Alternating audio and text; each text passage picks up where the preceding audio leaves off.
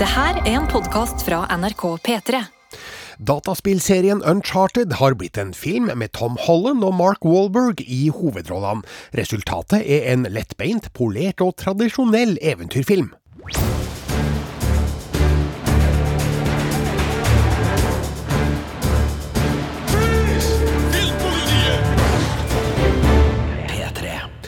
Velkommen til en ny og innholdsrik podkast. Jeg heter Birger Vestmo. Du skal òg få høre at Kristen Stewart spiller prinsesse Diana i filmen Spencer, som viser at Oscar-nominasjonen hun har fått, er helt fortjent. Den norske dramaserien Alt du elsker er en modig sjangerblanding som ikke helt vil blande seg. Og den 83 år gamle regissøren Paul Verhovens lesbiske nonnedrama Benedetta fremstår mer eller mindre som en gammel manns skitne fantasier. Men først skal vi til Uncharted. Denne dataspillserien har vært en kjempesuksess på Sonys PlayStation-konsoller. Det første kom i 2007 og ble fulgt opp av Uncharted 2 Among Thieves i 2009, Uncharted 3 Drakes Deception i 2011 og Uncharted 4 A Thieves End i 2016. Det har gått rykter om en nært forestående filmatisering i årevis, uten at noe har skjedd, men nå er den endelig her, med Spiderman-stjerna Tom Holland i rollen som en ung Nathan Drake. Uncharted anmeldes av Sigurd Vik. I've been dreaming about this my whole life. Magellan's gold. It's the biggest treasure that's never been found. Five billion, easy. So when do we start? Yeah, put that in your ear. Hello? Hello? Uncharted er en lettbeint, polert og sjangertradisjonell eventyrfilm som sender Tom Holland og Mark Wahlberg ut på en globetrottende jakt etter en forsvunnet gullskatt. Filmen er basert på den populære spillserien om Nathan Drake, og det er en ung, smart og lett naiv utgave av den handlekraftige eventyreren vi her blir kjent med. Kjappe replikker, glimt i øyet, enkel gåteløsning og rikelig med fartsfylt action bør gjøre det her til en kul kinoopplevelse for dem som ja, elsker National Treasure og Tom Hollands sympatiske Spiderman-tolkning. Men manuset er for tamt og forutsigbart til å bli virkelig spennende, og filmen har ikke de detaljene og det drivet som løfter skattejakta til en magekriblende oppdagelsesferd. En ung Nathan Drake, spilt av Tom Holland, lever et relativt rolig liv i New York da han får et litt spesielt jobbtilbud av Victor Sully Sullivan, spilt av Mark Wahlberg. Jobben er å hjelpe Sully stjele et gullkors som kan være nøkkelen til den tapte gullskatten etter oppdageren Ferdinand Magellan, og jeg beklager hvis jeg uttalte det aldeles feil. Og grunnen til at vår hovedperson sier ja, er fordi Sully sier at Nathans storebror også er på leting etter skatten. Det er sjølsagt også skurker på jakt etter gullet. Se opp for Antonio Banderas og skotske slåsskjemper med dårlig diksjon. I velkjent Mission Impossible-stil er dette en film som er satt sammen av ulike actionfylte deloppdrag på ulike kontinent. Det gir filmen en forutsigbar form, og det blir en del heist-lureri, kapring i høy hastighet og skjulte ganger i gamle kirker. Men sjøl om manuset er enkelt, så lar jeg meg sjarmere greit av kjemien mellom Tom Holland og Mark Wahlberg. De stoler jo ikke på hverandre, og deres moralske kompass spriker i hver sin retning, men de finner raskt en kjeklete tone full av fornærmelser, godlynt erting og risikabel grensetesting. Stilen er henta rett ut fra Hollywoods bodycop-manual, og er slett ikke original i framføringa. Men denne komedien gjør seg i det her enkle skattejaktlandskapet, og det sørger for at filmen holder seg underholdende sjøl i transportetappene. Uncharted er tilblivelseshistorien til Nathan Drake, og det er tydelig fra rulletekstens lille bonusscene at det nok planlegges en større filmserie med den røffe, kunnskapsrike og slagkraftige eventyreren. Og med Tom Holland i tittelrollen så har produsentene i Sony fått en hovedperson som ja, kanskje mangler noen kilo barskhet og den lune skøyertonen som for eksempel gjorde Nathan Fillion til en fanfavoritt som mulig Drake. Men de har fått en kvikk og kul type som bor på bøttevis av sjarm, akrobatikk og snert i snakketøyet.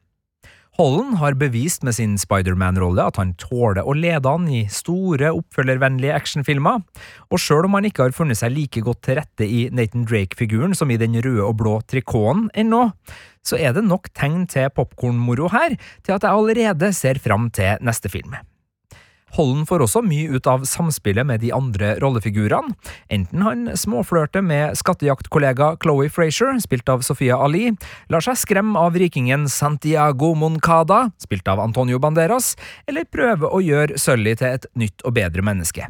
Det er ikke fantastisk skuespill, men det er en grunn til at Tom Holland har tatt steget opp i Hollywoods øverste divisjon. Han har det der lille ubestemmelige ekstra, den fascinerende stjernekvaliteten og karismaen som selger kinobilletter, og som kan få et helt middels manus til å bli en severdig film. Uncharted er ikke på nivå med sine filmforbilder, og Nathan Drake er fremdeles best i spillversjon, men det her er en humørfylt skattejaktunderholdning som surfer på sjarm og enkle sjangergleder, og muligens er det her en lovende start for en ny eventyrhelt på det store lerret. Uncharted har kinopremiere fredag 18. februar, og får en snill terningkast fire.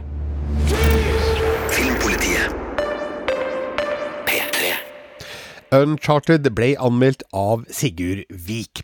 Da jeg så Kristen Stewart i rollen som prinsesse Diana i filmen Spencer på filmfestivalen i Venezia i fjor høst, tippa jeg at en Oscar-nominasjon var innen rekkevidde. Nå er hun nominert, og du skal få høre hvorfor hennes prestasjon er så sterk. Mommy, why do we have to open our presents on Christmas Eve? Why not Christmas Day like everybody else? You know, at school you do tenses. Yeah. It's the past, the present, future. Right. Well, here, there is only one tense. There is no future. Past and the present are the same thing. Spencer åpner med en tekstplakat som sier at det her er en fabel om en sann tragedie. Og tragedien her er hvordan det, etter alt å dømme, arrangerte ekteskapet mellom prins Charles og prinsesse Diana, som da ble født Spencer, gikk i oppløsning på starten av 1990-tallet. Regissøren heter Pablo Larain, og han har dikta opp en interessant film som skildrer hvor utsatt og eksponert prinsesse Diana kan ha følt seg på den tida. Kristen Stewart spiller hovedrollen med et fantastisk blikk for små detaljer, fakta og bevegelser, som vekker en umiddelbar gjenkjennelse, samtidig som hun ikke nødvendigvis forsøker å kanalisere virkelighetens Diana. Stewart gjør sin egen modige og nyanserte tolkning av en av det 20. århundrets mest fotograferte, omtalte og omdiskuterte figurer. Og hun er så god at hennes Oscar-nominasjon er fullt fortjent. Spencer er ikke basert på virkelige hendelser, fordi ingen utafor det britiske kongehusets indre krets kan vite hva som egentlig foregikk. Men manusforfatter Stephen Knight dikter klokt og sannsynlig hva som kun har skjedd bak fasaden. Året er 1991, og prinsesse Diana, som altså da spilles av Kristen Stewart, er på villspor på flere måter. Hun kjører alene til den årlige julefeiringa på dronning Elisabeths gods Sandringham, og må stoppe underveis for å spørre om veien. Allerede her forstår man at Diana har latt seg falle utafor kongehusets rutiner, uten egen sjåfør og sikkerhetsvakter, og skildringa av de neste dagene beskriver hennes ensomhet og utenforskap blant familiemedlemmer, som ser på hun med bekymring. Stuart formidler tydelig og effektivt Dianas frustrasjon over å bli stempla som et uromoment, mens ektemannens åpenlyse forhold til en annen kvinne ikke diskuteres, og hun lengter åpenbart tilbake til den hun en gang var, en Spencer. Her skal du få høre en scene fra filmen, der prins Charles, spilt av Jack Farthing, konfronterer prinsesse Diana med hennes forsinka ankomst til Sandringham. Yesterday, you arrived after the Queen. I got lost. Oh, how could you get lost? You've lived over the hill for years. It looks different now. Everything looks different. You sure you went late yesterday because you were delayed by someone? Why would you think I got delayed by someone. Oh, come on, come on. They are circling us. Didn't you know? Don't you read? It seems they're circling just me. Not you, just me. The thing is, Diana, there has to be two of you. you know, there's, there's two of me, there's two of Father, two of everyone. There's the real one and the one they take pictures of. Det må ha vært litt av en utfordring for Kristen Stewart å tre inn i rollen som prinsesse Diana, kort tid etter at vi har sett Emma Corrins fantastiske spill som samme person i serien The Crown. Heldigvis er Stewart en så dyktig skuespiller at hun kommer godt ut av eventuelle sammenligninger men òg fordi hun tross alt skildrer en annerledes Diana fra en litt seinere epoke. Mens Emma Corinne, spilte den unge og naive utgaven, går Stuart løs på den ti år eldre og mer livserfarne Diana. Sliten og desillusjonert etter det som må ha virka som et helt liv med konstant oppmerksomhet. Hun har klærne, frisyren og den poserende holdninga som man kanskje forbinder med Diana, men Stuart tilfører òg rollen den tyngde tyngden og troverdigheten som trengs for å formidle figurens desperate og nærmest umulige posisjon. Regissør Pablo Lorraine har laga film om en annen sterk kvinnes skjebne tidligere, nemlig Jackie, der Natalie Portman portretterte USAs tidligere førstedame Jackie Kennedy. Også i Spencer møter vi ei kvinne som kjemper mot sitt eget offentlige sjølbilde og oppfatninga hos både opinionen og dem hun har rundt seg.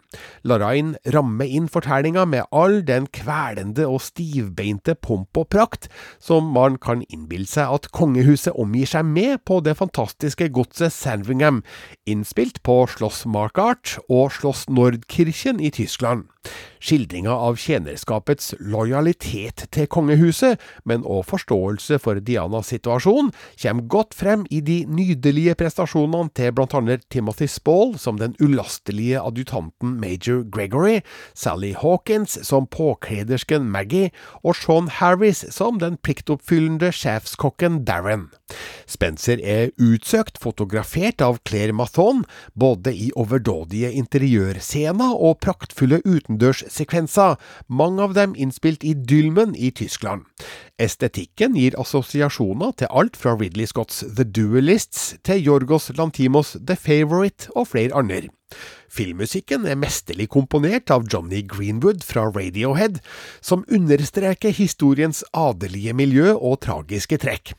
Filmen avsluttes med en litt for positivt lada sekvens, der bruken av All I Need Is A Miracle med Mike and The Mechanics er meint å skape kontraster, men føles hul og påklistra.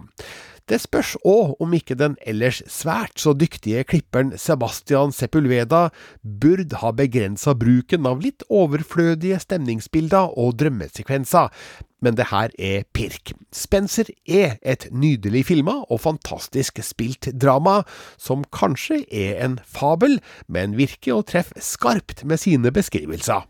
Terningkast fem. Kan man elske noen som hater? Det er spørsmålet serieskaper Marie Hafting stiller i den nye norske dramaserien Alt du elsker, som har premiere på strømmetjenesten Discovery Pluss den 17. februar. Den handler om ung forelskelse og en ung mann som er radikalisert inn i et høyreekstremt miljø. Stian Kristiansen har regien, mens Jakob Fort og Mina Dale spiller hovedrollene. Sigurd har sett og anmeldt serien. Vet du at vi lever i Kali-yuga? Det er mørkets tidsalder, som kjennetegnes med polarisering, hykleri, elendighet og sykdom. Kanskje du skal fokusere mer på det som er bra, og ikke bare det som er dritt? Nei takk. Men noen ganger så har du litt sånne tanker som er vanskelig å forstå. Det bare koker seg inn i hodet. Så er det som det er masse puslespillbiter som ikke har noe plass. Den norske dramaserien Alt du elsker er et ambisiøst og sjangermodig forsøk på å blande en hjertevarm forelskelseshistorie med innsikt i hvordan unge menn blir radikalisert inn i farlige høyreekstreme miljø.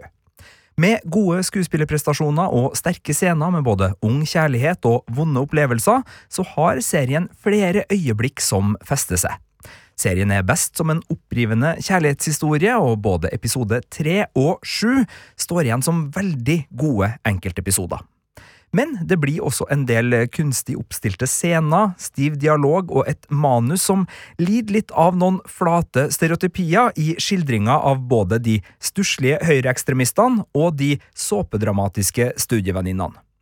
Det er også sentrale deler av hovedpersonenes bakgrunn og deres underliggende årsaker vi aldri får særlig grep om, og det gjør at den meget velkomponerte og følelsesladde finaleepisoden ikke treffer like hardt som det serien legger opp til.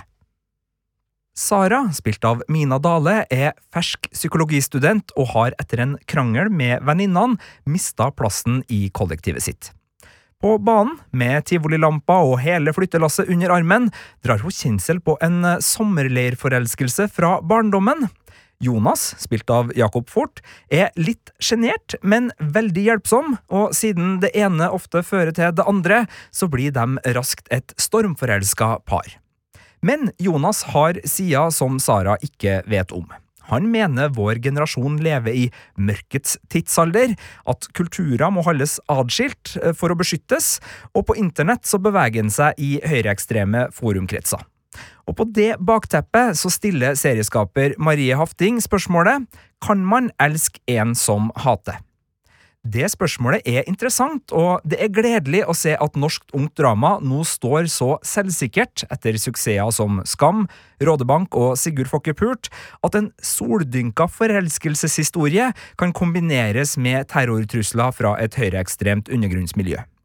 Likevel så sitter ikke sjangerblandinga sammen på en måte som helt klarer å gripe meg fullstendig med verken kjærligheten eller hatet som skildres.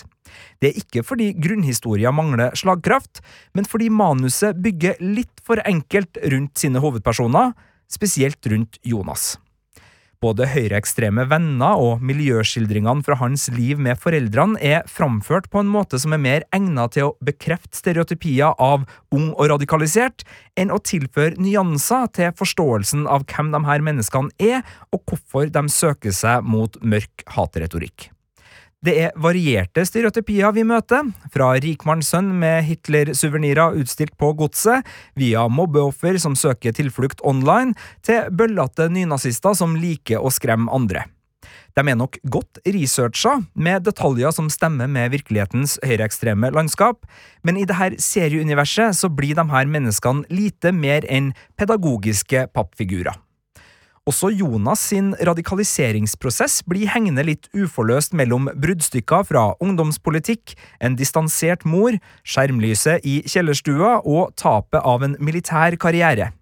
Vi får ikke særlig innsikt i hva som har gjort Jonas til en så kompleks type, så full av forakt, arroganse, usympatiske trekk, usikkerhet, omsorg og kjærlighet, og hvorfor han har søkt seg bort fra storsamfunnet og endt opp med radikaliserte ideer om kulturkrig og sympati for voldelige løsninger.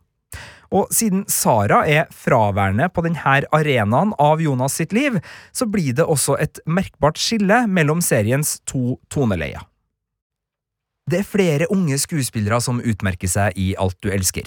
William Gundersen, som spiller Jonas sin kamerat Mons, og Hibba Najib, som spiller romkameraten til Sara, Hina, leverer begge sterke monologscener som gjør inntrykk, og som er med på å gi serien dybde og tematisk spennvidde.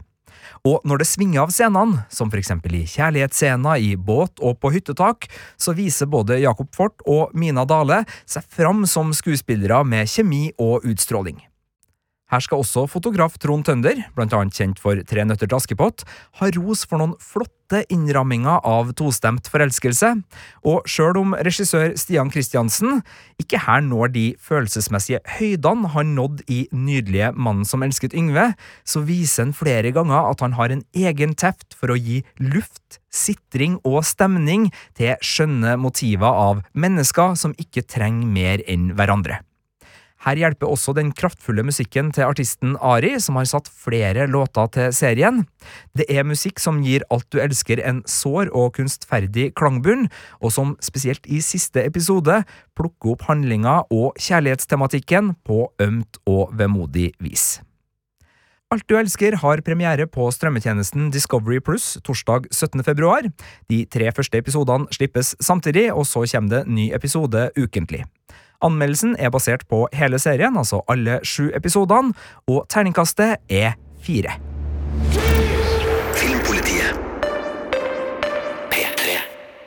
Det var Sigurd dom over serien Alt du elsker. Til slutt i denne podkasten skal vi til den nederlandske regissøren Paul Verhoeven. Jeg har vært stor fan av han helt siden slutten av 1980-tallet, og ser frem mot enhver ny film med interesse. Han har alltid vært en interessant provokatør, både med ultravoldelig samfunnssatire i Robocop, åpenlys militarisme i Starship Troopers, kontroversiell sex i Basic Instinct og en kvinnes dragning mot voldtekt i L. I en alder av hele 83 år er han still going strong, og hans siste film heter Benedetta.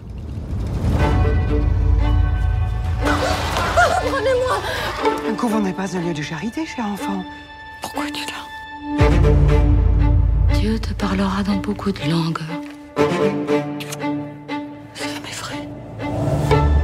Benedetta, viens à moi.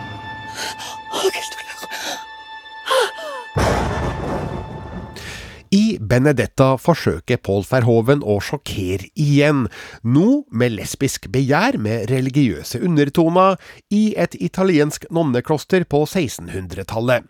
Provokasjonene har imidlertid ikke den mulig tiltenkte effekten, og fremstår mer eller mindre som et utløp for en gammel manns skitne fantasier.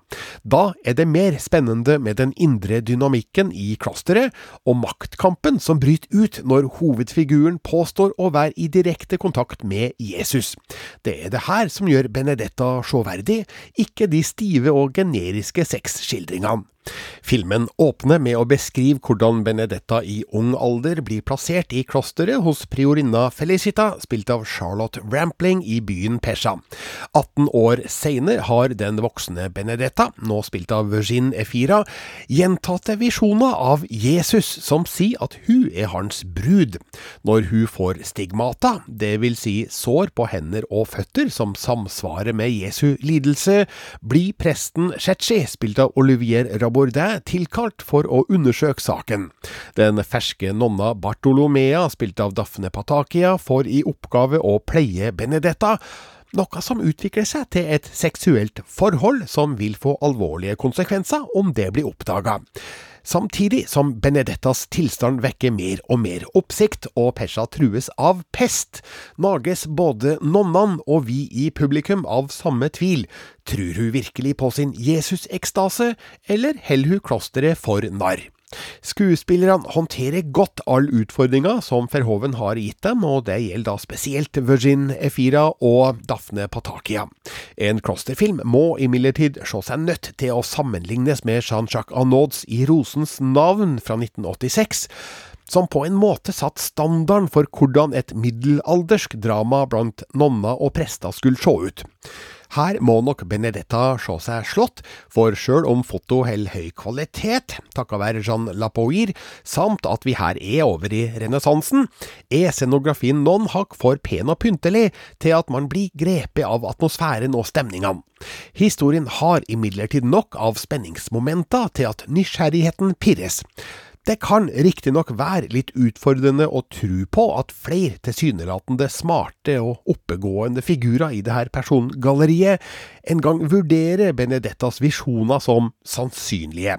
Paul Verhoven kunne nok ha skildra deres religiøse paranoia enda sterkere og tydeligere, men som intern maktkamp om posisjoner i klosteret har Benedetta flere interessante historietråder som viser den katolske kristendommens slagkraft og betydning i det italienske renessansesamfunnet. Paul Verhoeven kan ikke lage film uten å bruke sjokkeffekter. Og i Benedetta får vi blant annet noen blodige visjoner av Jesus som sverdsvingende redningsmann på hvit hest. Den inneholder dessuten en torturscene der det verste riktignok foregår utafor bildet, men er så sterk i sine antydninger at man altfor godt kan lage seg sine egne bilder. Det er desto rarere at eh, offeret virker nesten uberørt etterpå. Erotikken som oppstår mellom Benedetta og Bartolomea er kanskje også ment å sjokkere, men skildres merkelig kunstig og konvensjonelt, og man får ikke følelsen av farlig begjær og hvorfor de to er villige til å ta denne risikoen. Filmens mest interessante aspekter er å bli det politiske spillet som oppstår under dekke av religiøs tro, og hvordan aktørene kanskje, eller kanskje ikke, posisjonerer seg etter Guds antatte vilje. Det er fascinerende at Benedetta skal være inspirert av sanne hendelser, og Paul Verhoeven lykkes i å vise det åpenbart bisarre og dysfunksjonelle ved den underliggende samfunnsstrukturen. Det her er kanskje ikke en av hans beste, men heller ikke en film man kan stille seg likegyldig til. Terningkast fire. Det var alt for denne gangen, men husk at du òg kan høre podkastserien Filmpolitiets Mandalorian spesial, der vi diskuterer Star Wars-serien The Book of Boba Fett.